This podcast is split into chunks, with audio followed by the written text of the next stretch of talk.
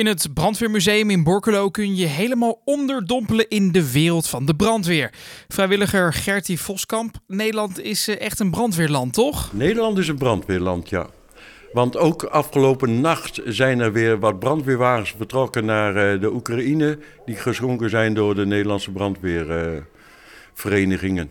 Hoe kan dat dat wij daar zo mee bezig zijn in ons land? Nou, het is in ieder geval wel de steun die ze willen leveren aan het andere land natuurlijk. Hè? Ja. En omdat ze daar dus ook allerlei vernielingen hebben en weinig brandweerwagens hebben. En hier in Nederland worden de brandweerwagens eh, na een x aantal jaren vernieuwd, want dan zijn ze afgeschreven.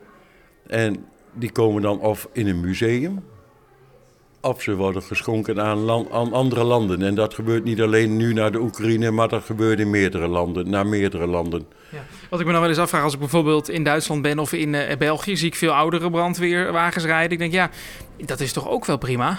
Dat is ook prima. Alleen hier hebben ze een bepaald beleid eh, waarin ze zeggen van na een x aantal jaren is de wagen afgeschreven.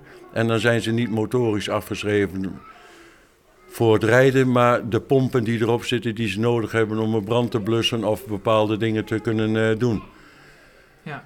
Wat heeft u met eh, de brandweer? Want u bent hier vrijwilliger. Ik ben hier eh, vrijwilliger geworden omdat ze hier chauffeurs zochten voor onze rondritten.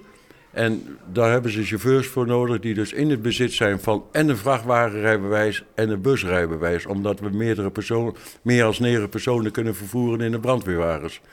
En zodoende ben ik dus hier terechtgekomen als zijnde chauffeur voor rondritten. Ja.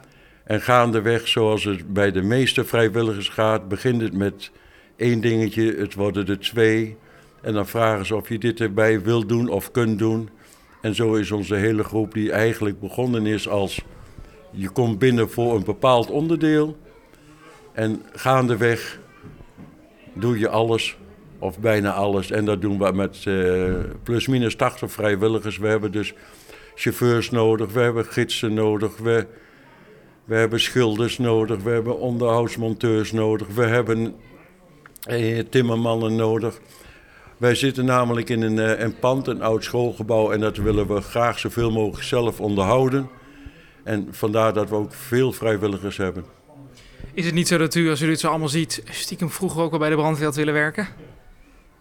Achteraf misschien wel. Vooraf niet. Nee. Vooraf dan was het meer van dat je dus toch. Uh, dat, dat je denkt van dan moet je mensen redden. Mensen moesten redden en dergelijke.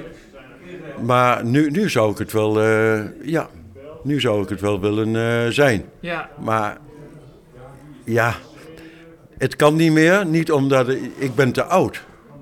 Want uh, de brandweermensen die werken tot hun 55 ongeveer of 57 jaar zijn ze actief in de brandweer gebeuren.